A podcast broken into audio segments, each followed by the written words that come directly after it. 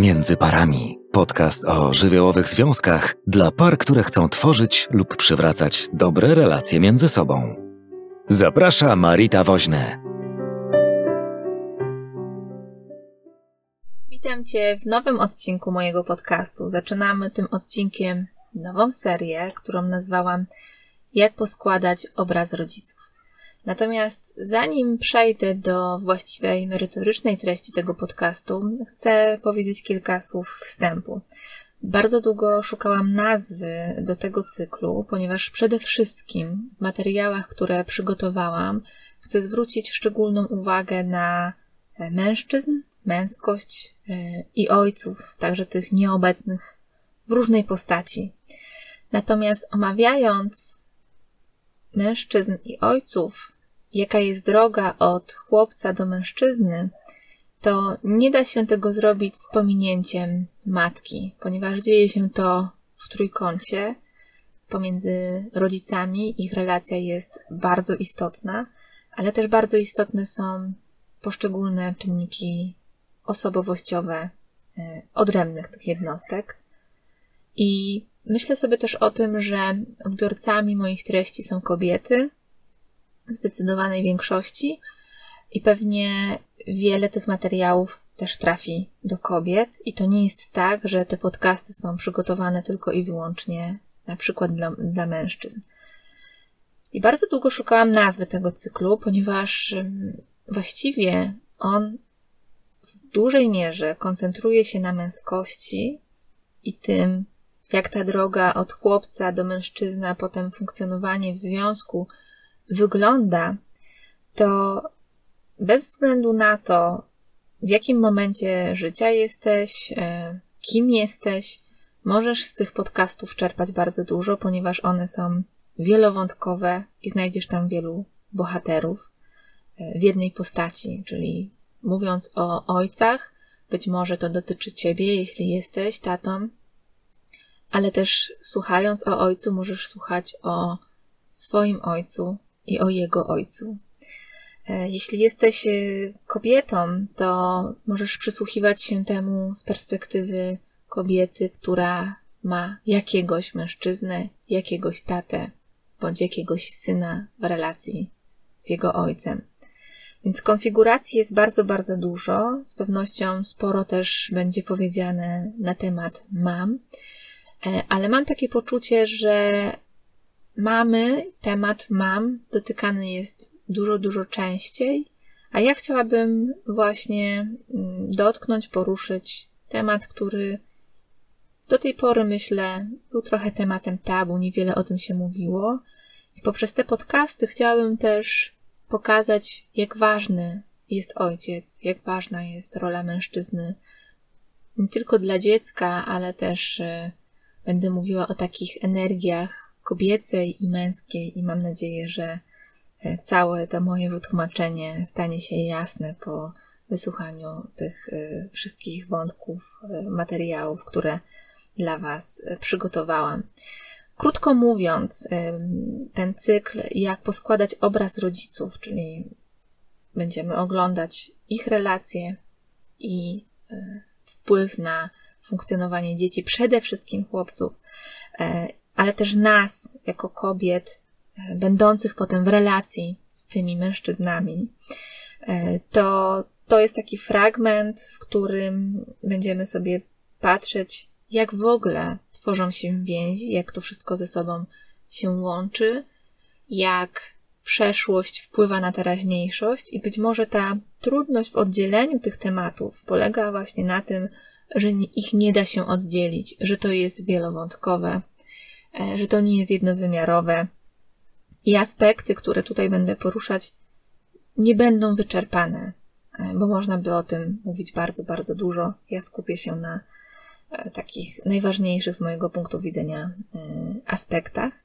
I mam nadzieję, że ten cykl podcastów będzie takim momentem, w którym będzie tworzyć się most pomiędzy tym, co dzisiaj w tobie, w twojej relacji z twoim tatą, z twoją mamą, w twoim związku, e, a także tym, co po stronie twojego partnera, czy też twojej partnerki, w zależności jak tego będziesz słuchać, ponieważ będzie też podcast dotyczący córek.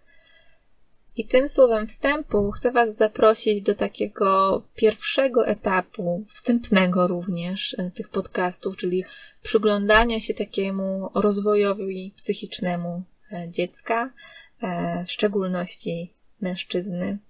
Mam nadzieję, że ta seria będzie dla Was owocna i będzie też dobrym uzupełnieniem poprzedniej serii, jak się poskładać po trudnym dzieciństwie która jest dostępna w formie podcastów. Możecie do nich wrócić. E, w pełnej wersji wideo z prezentacjami jest dostępna na YouTubie między parami. E, a cały ten, ten cykl powstał w ramach promocji e-booka Jak się poskładać po trudnym dzieciństwie i zbudować szczęśliwą relację, który Zacznijmy więc od procesu dojrzewania. E, to jest taki temat, wokół którego powstało wiele książek, badań, literatury nie mam zamiaru omawiać ich wszystkich tutaj, ale chcę powiedzieć o takich najważniejszych aspektach. Powiedziałabym, że to jest taka seria następujących po sobie właśnie etapów, która nie jest takim procesem linearnym, chronologicznym, jest bardziej jak spirala, y, czyli pewne rzeczy wracają w różnych momentach naszego życia. Ten proces się przeplata, nie jest taki sam u wszystkich osób. E, I to wszystko składa się na budowanie naszej tożsamości. To jest proces, który trwa całe nasze życie. I chociaż e, mówi się o tym, że ten wiek 18 lat jest takim okresem, kiedy wkraczamy w dorosłość, to jednak e, kształtowanie tej tożsamości następuje, myślę, dużo, dużo później, kiedy jesteśmy już bardziej świadomi tego, co się w nas dzieje, i to jest tak około 30 roku życia, kiedy e, nabywamy trochę innego wglądu w nasze e, doświadczenia, co też chyba pokazuje, że odbiorcami tego podcastu są właśnie takie osoby, które w jakimś sensie po różnych trudach dzieciństwa szukają właśnie siebie. Przygotowując się do tych e, podcastów, bardzo korzystałam z takiego myślenia psychoanalitycznego, E, I chciałabym zrobić też taki wstęp, ponieważ wszystko to, co będę mówiła, to z jednej strony będzie dotyczyło ojców i matek, czyli e, tej konkretnej osoby, która ciebie urodziła, potem wychowała, e, ojca, który przyczynił się do tego, że jesteś na tym świecie. Natomiast jak będę mówiła o ojcach i matkach, to można o tym myśleć trochę szerzej. Generalnie my, jako ludzie, jako dzieci, przechodzimy taki proces wyrastania z matki i wyrastania z ojca, w takim rozumieniu psychoanalitycznym. I jak wyrastamy z ojca i wyrastamy z matki, to musi też następować e, moment uwalniania się od tych osób, czyli od mamy i od taty, przechodzenia raz na stronę ojca, raz na stronę matki. Myślę, że stanie się to za chwilę trochę jaśniejsze. I trwa to całe życie, Mm, jest możliwe tylko częściowo, czyli nie jesteśmy w stanie nigdy w pełni uwolnić się od mamy i od taty, bo łączą nas e, bardzo silne więzi. Nawet jeśli masz ochotę powiedzieć, że tam nie ma więzi, to być może mówisz o tym, że ta więź jest jakoś naruszona i trudna. I przytoczyłabym e, też słowa Junga, który mówi, że jeśli nierozwiązywalnych problemów rozwojowych nie można przezwyciężyć, to jedyne, co można, mm, to na nich wyrosnąć. I myślę sobie, że z jednej strony jest tak, że wiele rzeczy jesteśmy w stanie poukładać w sobie, e, po to też tworzę te różne materiały, cykle o tym, jak się poskładać po trudnym dzieciństwie, ale też są takie aspekty, których nie da się już rozwiązać, które miały swój czas w przeszłości. Nie da się ich naprawić, nie da się na przykład y, dostać ciepła czy miłości rodzica z czasów, kiedy byliśmy małymi dziećmi. Ten okres po prostu już minął. Y, I pewne rzeczy są i na nich możemy wyrastać. Niekoniecznie uzupełniając jakoś te braki. Myślę, że często tkwimy w przeszłości, mamy tam silne korzenie i trochę jesteśmy blokowani przez różne mechanizmy, które w nas są do tego, żeby właśnie z tego wyrastać. Być może to wyrastanie to jest taki zablokowany proces, bo, bo pewne uczucia, pewne doświadczenia domagają się zobaczenia, odkrycia, porozmawiania, ujawnienia e, i dlatego jest nam bardzo trudno z tym. I ten rozwój e, psychiczny można podzielić na różne etapy. Różni e, badacze, twórcy różnie to dzielili. Na przykład Erik Erikson zaproponował teorię, teorię ośmiu etapów rozwoju. Ale też można o tym myśleć w taki sposób, że te etapy mm, są jakimś rodzajem symbolu, gdzie w danym okresie coś typowego, specyficznego dzieje się. Są tam specyficzne wyzwania, które wiążą się właśnie z budowaniem tożsamości. E, jeśli chodzi o to, e, jak powstaje mężczyzna, na przykład, e, albo jak powstaje dziecko, jak powstaje kobieta, można myśleć o tym w takich fazach właśnie dzieciństwa, okresu dojrzewania, wczesnej dorosłości, potem środku życia, późnej dorosłości i starości, czyli te różne etapy, które mm, się po sobie następują. Ja tych y, etapów y, nie będę tutaj przytaczać, omawiać ich bardzo dokładnie, ponieważ godziny by nam zeszły na to. Natomiast chciałabym się skupić y, tak pokrótce zwłaszcza na tych pierwszych etapach, czyli przede wszystkim zacząć od tego okresu niemowlęctwa i, i dzieciństwa właśnie. Można więc powiedzieć, że ten okres niemowlęctwa, dzieciństwa jest takim okresem, zwłaszcza w, pierwszych, w pierwszym roku życia, pierwsze półtora roku życia, zdominowany przez matkę, czyli to jest taki czas e, niezwykle silnej relacji mamy z dzieckiem. Też myślę, że na ten temat już wiele zostało powiedziane. E, I przede wszystkim to jest czas takiego pielęgnowania, bycia blisko, e, momenty karmienia piersią czy też butelką, e, przytulania, moment takiej symbiozy z tą mamą, czyli takiego fragmentu, kiedy w parze dochodzi do zmiany E, w układzie rodzinnym, czyli pojawia się trzecia osoba i nagle para musi odnaleźć się w tym wszystkim. I o tym, co się dzieje w parze, trochę mówiłam w moich poprzednich, jakichś pierwszych podcastach e, o różnych kryzysach po pojawieniu się dziecka, co się tam zmienia, więc Was do tego odsyłam, zachęcam, zapraszam. Ale tutaj ważne, żeby zdać sobie sprawę z czegoś, co jest oczywiste, czyli że ta mama jest całym światem, jest reprezentacją świata wewnętrznego e, tego dziecka. To jest niezwykle ważny, potrzebny czas takiego bycia przy mamie, doświadczania tego, co matczyne, takiego pomieszczania, uczenia się, kiedy mama zajmuje się, pielęgnuje, odczytuje sygnały, uczy się tego dziecka, odpowiada na jego potrzeby pielęgnowania. I to jest też taki okres, w którym mały chłopczyk jest chłopczykiem mamusi. I do tego chłopczyka mamusi jeszcze w kolejnych e, podcastach, materiałach będę się na pewno odnosiła.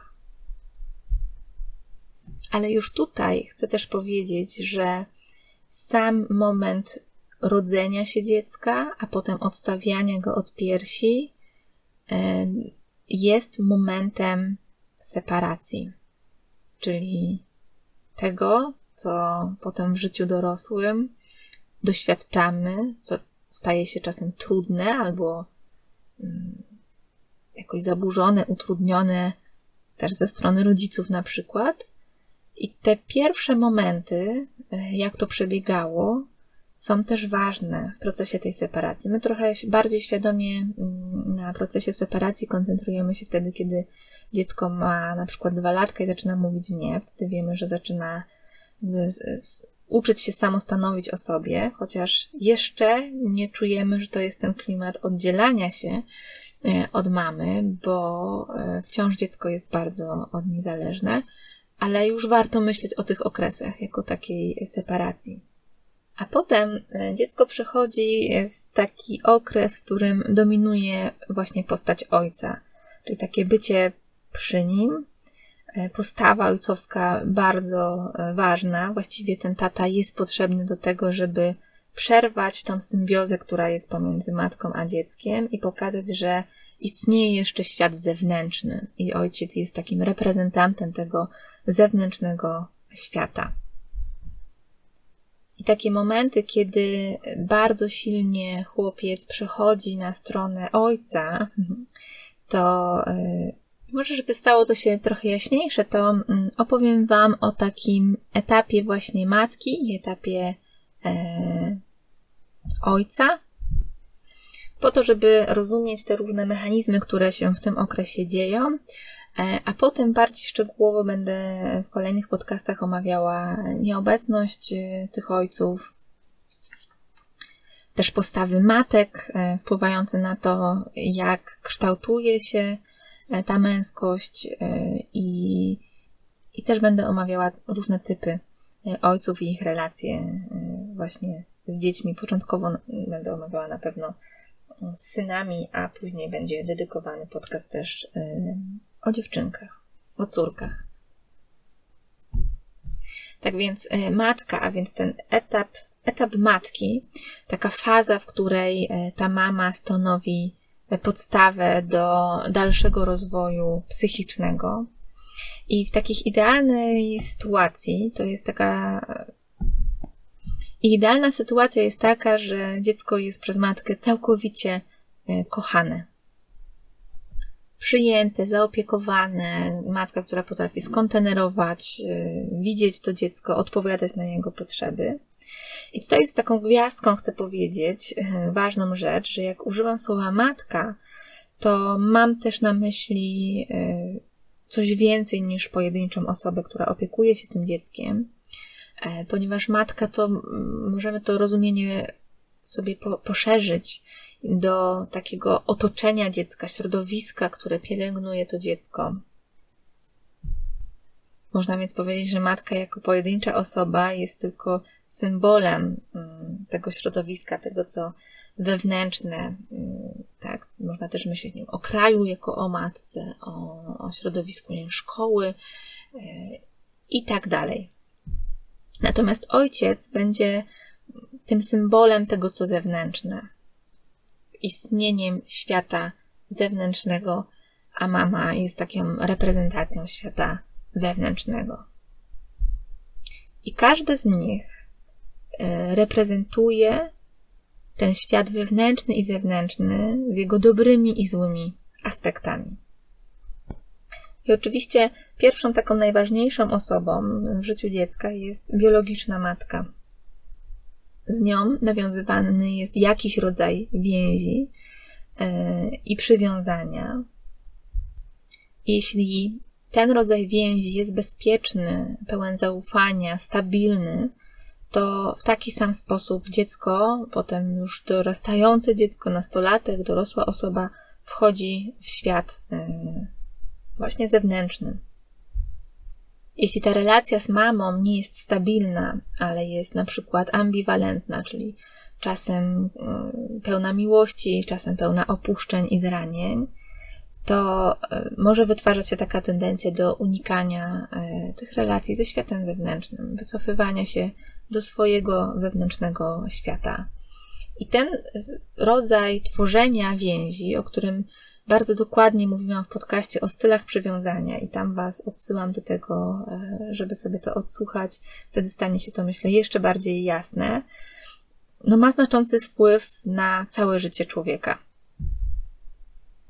I tak jak mówiłam wcześniej o separacji, to moment separacji e, nabiera tego rozpędu około drugiego roku życia a w wieku 3-4 lat y, zwiększa się ta separacja na takim y, psychologicznym y, poziomie.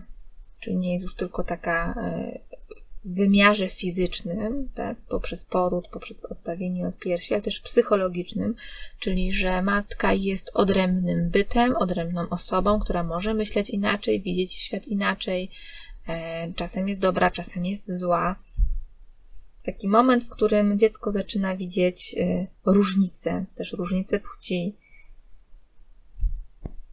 I to ona zaczyna odgrywać pierwszoplanową rolę. I już tutaj chciałabym zaznaczyć, jak ważna jest postawa mamy w procesie tej separacji, ponieważ ona może tą separację albo utrudniać, albo ułatwiać. I oczywiście wpływ ma cały jej świat wewnętrzny, przeżywanie, poukładanie różnych spraw swoich e, też z dzieciństwa. I jej taki ambiwalentny stosunek do tej separacji, czyli z jednej strony wiem, że to dziecko potrzebuje na przykład decyzyjności, a z drugiej strony jakoś nieświadomie mam potrzebę władzy, decyzji, opieki, troski, czyli trudno jest mi zgodzić się na to, że moje dziecko dorasta, że moje dziecko może zadecydować, mogę uznawać, że to jest za wcześnie, że jest jeszcze za małe, że na to przyjdzie czas, a z drugiej strony wymagać na przykład samodzielności w innych obszarach, to powoduje e, duży konflikt emocjonalny u tego dziecka. Ponieważ jeśli sami jako rodzice e, nie mamy sobie różnych rzeczy poukładanych, to e, też dzieci są bardzo wyczulone na emocje rodzica. Ponad wszystko pragną ochronić więź z rodzicem, nawet kosztem samego siebie. Więc ta ambiwalencja będzie też przez to dziecko wyczuwana e, i będzie odczytywana też w postaci konfliktu, czy to dobrze, czy źle jest opuścić mamę. Czy można, czy nie można? Czy mamie będzie przykro, czy ona będzie zadowolona? Czy ona sobie poradzi, czy się rozsypie? I to jest ten kawałek, kiedy ta mama e, może utrudniać separację. Ale separacja może też być utrudniana mm, w inny sposób, w taki, że e, mama, która jest niespokojna, może za szybko odsuwać dziecko, zbyt szybko się z nim rozstawać, nabierać dystansu, opuszczać go, a właściwie zostawiać go z takim poczuciem e, opuszczenia. I te tęsknoty w dziecku za tą relacją będą pozostawały. I ta figura mamy ma takie zadanie, aby zapewnić podstawę wewnętrznego poczucia własnego ja u dziecka. Czyli, że ono wie, kim jest, że może samo stanowić o sobie, decydować, y, rozpoznaje swoje stany wewnętrzne, emocje. O tyle ojciec ma takie zadanie, żeby odkryć zewnętrzny świat przed tym dzieckiem i tak jak powiedziałam wcześniej, to nie jest tylko mowa o jakiejś pojedynczej jednostce, która staje się ojcem, a raczej o ojcach w ogóle. I mogą się pojawiać y, pod postaciami nauczycieli, różnych przywódców, y, duchownych, polityków, y, tak? Wszystko to z jakąś energią męską, chociaż nie wszyscy tych osób muszą być mężczyznami. I tutaj co ważne, że mm, tak jak każda kobieta ma e, w sobie jakiś rodzaj energii męskiej, tak każdy mężczyzna ma swoją kobiecą stronę, czyli takie kawałki, które reprezentują jego wewnętrzne życie, obszary doświadczenia, intymności, jego wnętrze, krótko mówiąc. I to właśnie ojciec jest takim mostem, mm, takim przejściem do świata zewnętrznego, gdzie pomaga się dostosować do różnych oczekiwań tego właśnie świata. I to pokazuje, jak e, ta figura ojca i matki jest ważna i fundamentalna do budowania e, struktury osobowości człowieka ponieważ początkowo dla dziecka, właśnie w tej takiej relacji pierwotnej z mamą, ten świat zewnętrzny i wewnętrzny jest jednym i nie istnieje między nim różnica, i to ojciec jest właśnie reprezentantem, e, który ma zadanie pokazywać, oswajać to, co zewnętrzne. I idąc trochę głębiej, to wszystko sprowadza się do tego, że ta świadomość, która się tworzy, e, te różnice, które się pojawiają, tworzą taką oś, tworzą taką oś pomiędzy tym, co kobiece i co męskie, co wewnętrzne i co zewnętrzne. I to dotyczy zarówno chłopców, jak i dziewczynek, z taką różnicą jednak, że ten rozwój nieco się różni, ponieważ chłopcy identyfikują się z ojcem, a dziewczynki identyfikują się z matkami. Czyli dziewczynki przez identyfikację z matką mogą e, powstrzymywać e, swoje poczucie mm, tożsamości, ciągłość tej tożsamości. I one przez to e, mają taką tendencję do przeżywania tego wewnętrznego świata. No, bliski jest im świat wyobraźni, intymności. Natomiast mały chłopiec, kiedy rozstaje się z mamą, to doświadcza tego mm, rozłamu w tym świecie wewnętrznym i zewnętrznym i wychodzi jakby na zewnątrz, identyfikuje się e, z tym ojcem, staje się jemu bliski, zwraca się ku niemu, przyjmuje jego sposób myślenia, widzenia, patrzenia na świat.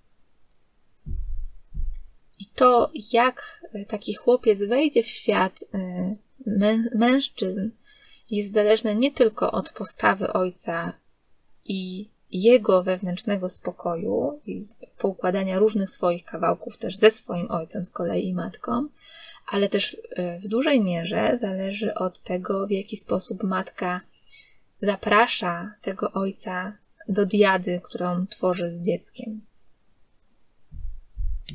Do diady, która przekształca się w triadę, czyli ona wpuszcza e, ojca do e, tego kontaktu z dzieckiem właśnie. I tutaj już są bardzo, bardzo ważne momenty e, tego, w jaki sposób mama przedstawia tatę, w jaki sposób widzi tego tatę, jaki ona ma obraz tego ojca i czy to jest bardzo ważne, czy przedstawia go jako pozytywną postać, a nie jako zagrożenie, nie jako trud, nie jako kogoś, y, komu nie warto ufać. I to jest taki punkt, punkt, w którym widać, jak y, bardzo ważne są relacje pomiędzy rodzicami, nawet jeżeli nie są parą. E, dlatego, że już w tym momencie jest taki fragment, w którym nawet chcąc dobrze dla dziecka, możemy pewnych rzeczy, możemy pewne rzeczy mieć niepoukładane w sobie, i przez to nieświadomie przekazywać dziecku. Idealnie by było, e, aby ta mama właśnie przedstawiała postać taty jako postać pozytywną. I być może e, nie każda jakby postać taty jest pozytywna w obrazie mamy, tak? Czyli matka ma różne trudne doświadczenia ze sobą, e, z ojcem. Natomiast ona musi to ułożyć sobie sama ze sobą i z innymi dorosłymi ewentualnie i chronić to, e, by jednak te części mm, negatywne nie przedostawały się w stosunku do dziecka, ponieważ to będzie mu też utrudniało taką identyfikację z tym ojcem. No i właśnie, idealnie by było, gdyby ta postać taty była przedstawiana jaka, jako budząca szacunek, y, dumę, y, jako ważna, wartościowa, czyli że to jest jakaś wartość dla wszystkich.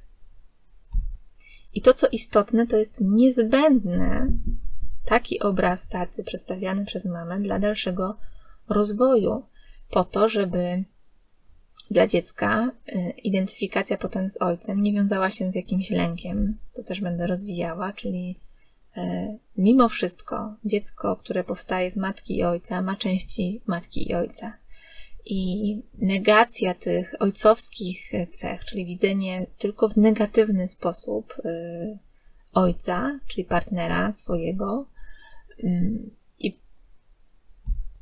wyparcie wszystkich dobrych rzeczy, które też wokół tego mogą stać, sprawia, że e, no, syn jakoś do tego będzie się ustosunkowywał, czyli albo będzie e, unikał tego, żeby nie stać się taki jak ojciec, albo będzie bardzo zraniony, kiedy będzie do niego porównywany e, albo widziany oczami. Czyli czasem ludzie mówią, widziałem w jej oczach ten wzrok, kiedy patrzyła na mnie i myślała o ojcu, albo widziała we mnie ojca.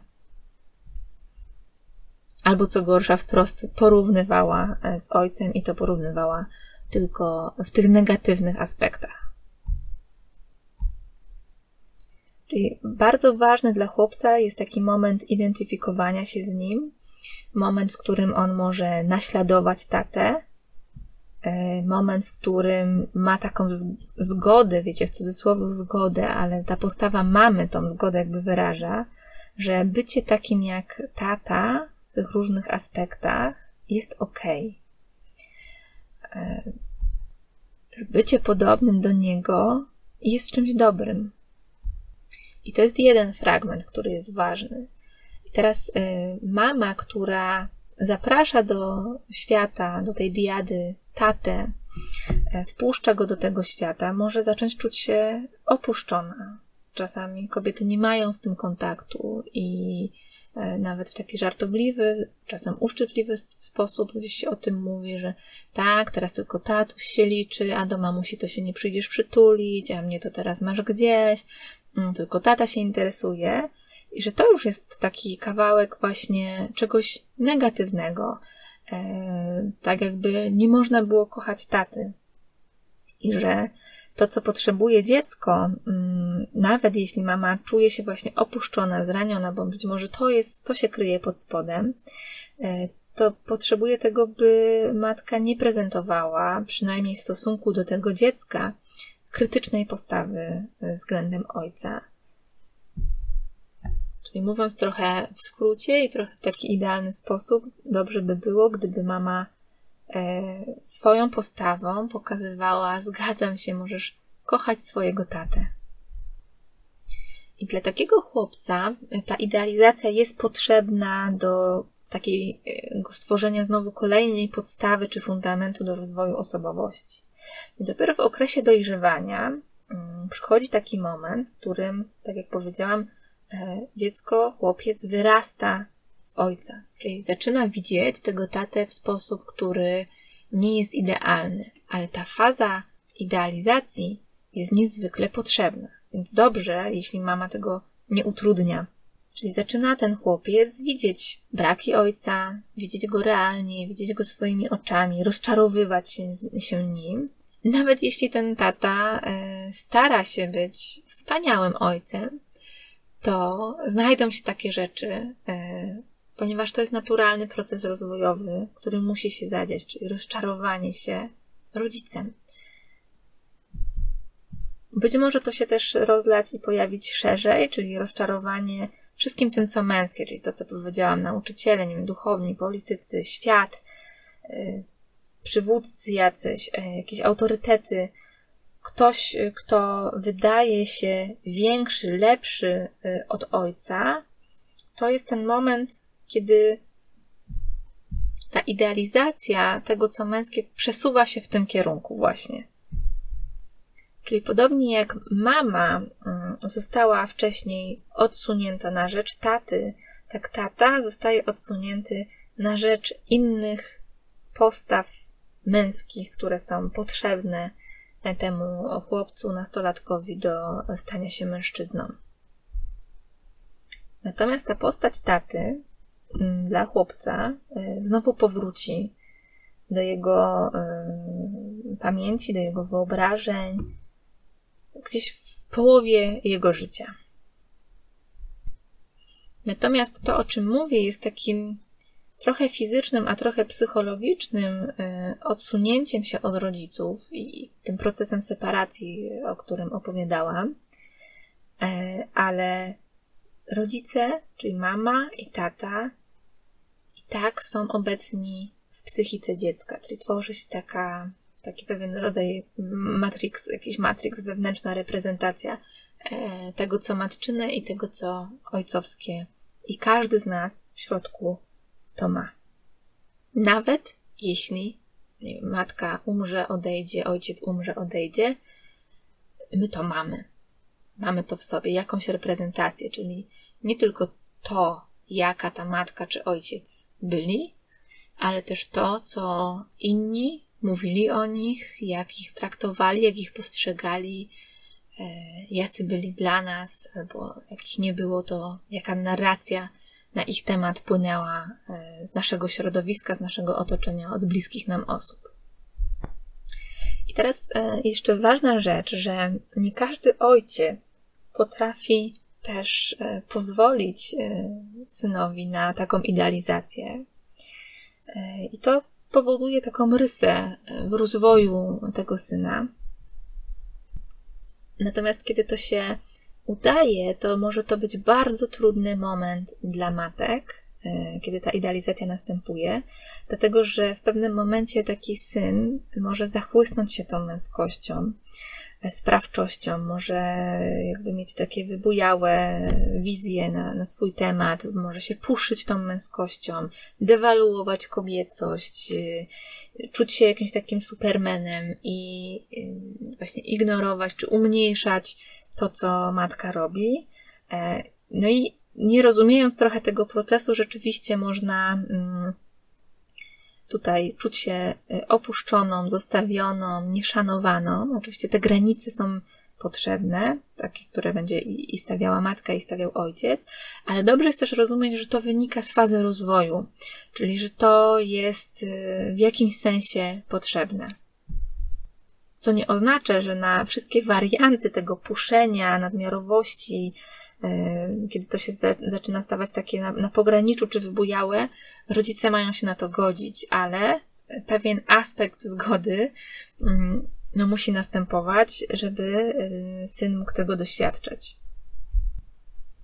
I to nie jest takie piękne i kolorowe dla ojców, w takim sensie, że no, mama jest do pewnego okresu, nie wiem, powiedzmy, jakoś ważna, potem jest odsuwana i tylko ojciec jest idealizowany, ponieważ ta idealizacja w którymś momencie ojca też musi się skończyć i ona nie będzie trwała wiecznie. I jeśli to się nie zadzieje jakoś samoczynnie ze strony dziecka, to też ojciec musi w tym pomóc trochę. E, choć najczęściej dzieje się to nagle, niespodziewanie, i to jest taki trochę szok dla tego ojca, że jakby co tu się wydarzyło. Czasem dzieje się to poprzez, nie wiem, wypowiedzenie jakiegoś słowa, zdania, poprzez jakąś postawę, odkrycie jakichś swoich wartości. Dzieje się to po prostu nagle można mieć nawet poczucie jakiejś takiej nieadekwatności, że to się wydarza i, i dlaczego jakby diametralnie zmienia się postawa syna w stosunku do ojca. A to jest właśnie ten moment rozczarowywania się, który rozwojowo musi nastąpić. Oczywiście może się też zadziać tak, że ojciec rzeczywiście zawiedzie syna w jakiś taki decydujący sposób. I tutaj e, myślę sobie o tych wszystkich różnych trudnych sytuacjach, e, rodzinnych układach, rozstaniach, rozwodach, które się dzieją, albo nieobecnych ojcach, porzucających ojcach na przykład. Tak? Myślę, że sporo kobiet mogłoby tutaj też powiedzieć, no ale jak to mam idealizować e, tego tatę, kiedy on tak naprawdę nie, nie interesuje się, nie jest obecny w życiu, to myślę sobie, że przychodzi pewien moment rozwojowy, w którym to dziecko też odkrywa to. Nie musi być ładowane dodatkowo i obarczane na wczesnych etapach życia mm, naszymi przeżyciami w związku z tym. Czyli to nie chodzi o to, żeby wymazać to, co negatywne, e, a realne, ale żeby ochronić dziecko w takich fazach życia, w których ono nie jest gotowe na przyjęcie takich e, treści.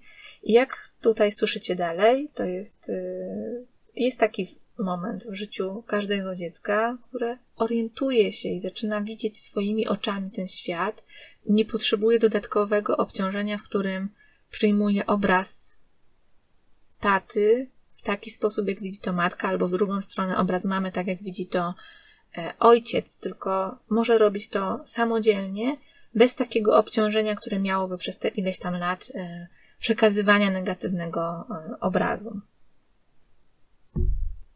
A więc moment rozczarowania tatą, zniechęcania się do niego, widzenia, że on nie jest taki wspaniały i wyjątkowy, jak mi się wydawało, też następuje. Zresztą my ciągle w swoim życiu jesteśmy w takich obszarach i w takich momentach, w których e, jesteśmy zachłyśnięci, jesteśmy zachłyśnięci czymś, co nas fascynuje, a potem nagle mamy takie momenty, w których sobie myślimy, nie, no w sumie to mnie ktoś rozczarowuje, to on jest jakiś. Ale to jest, nawet w związku to się dzieje, czyli najpierw jesteśmy zafascynowani wręcz relacją z drugą osobą, a potem mm, pojawia się taki moment, w którym y, nagle widzimy inaczej ten świat. I jakby te rzeczy dzieją się też po coś. Te idealizacje też są po coś i rozczarowania też są po coś. Jeśli nie mamy dobrze przeżytego procesu od idealizacji do rozczarowania i takiej zgody, że jedno i drugie może się pojawiać, że pomiędzy tym jest jakaś realność, to w dorosłym życiu też nam trudno z tą realnością się spotkać i my też z tą realnością często walczymy poprzez zajeżdżanie się w pracy, robienie wielu różnych rzeczy po to, żeby sobie udowadniać swoją siłę i nie doświadczać słabości, albo w drugą stronę mm, poprzez bycie w roli ofiary i niepodejmowanie działań, bo tylko to, co negatywne nas w życiu czeka. Więc jedno i drugie jest skrajnością, a pomiędzy jest ogromna przestrzeń do wypełnienia. I właśnie dochodzimy do takiego momentu, w którym, tak jak powiedzieliśmy, ta e, inicjacja przez ojca prowadzona e, względem dziecka, względem syna, do takiego świata zewnętrznego jest potrzebna. Potem ta faza idealizowania, tego taty, a potem moment rozczarowania i utraty poprzez bycie być może zdradzonym, w cudzysłowie, tak? Przez, przez ten ideał. I ta zdrada, to rozczarowanie jest niezbędne do tego, aby syn nie związał się z ojcem na zawsze, tak jak yy, wcześniej Postać ojca musi się pojawić, żeby syn nie związał się z matką na zawsze.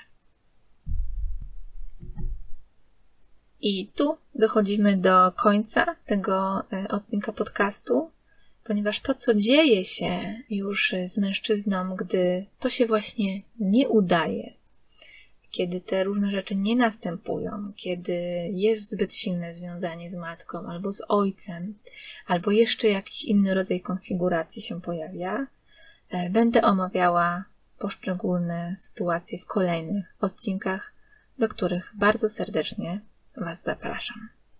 To tyle na dzisiaj. Do usłyszenia.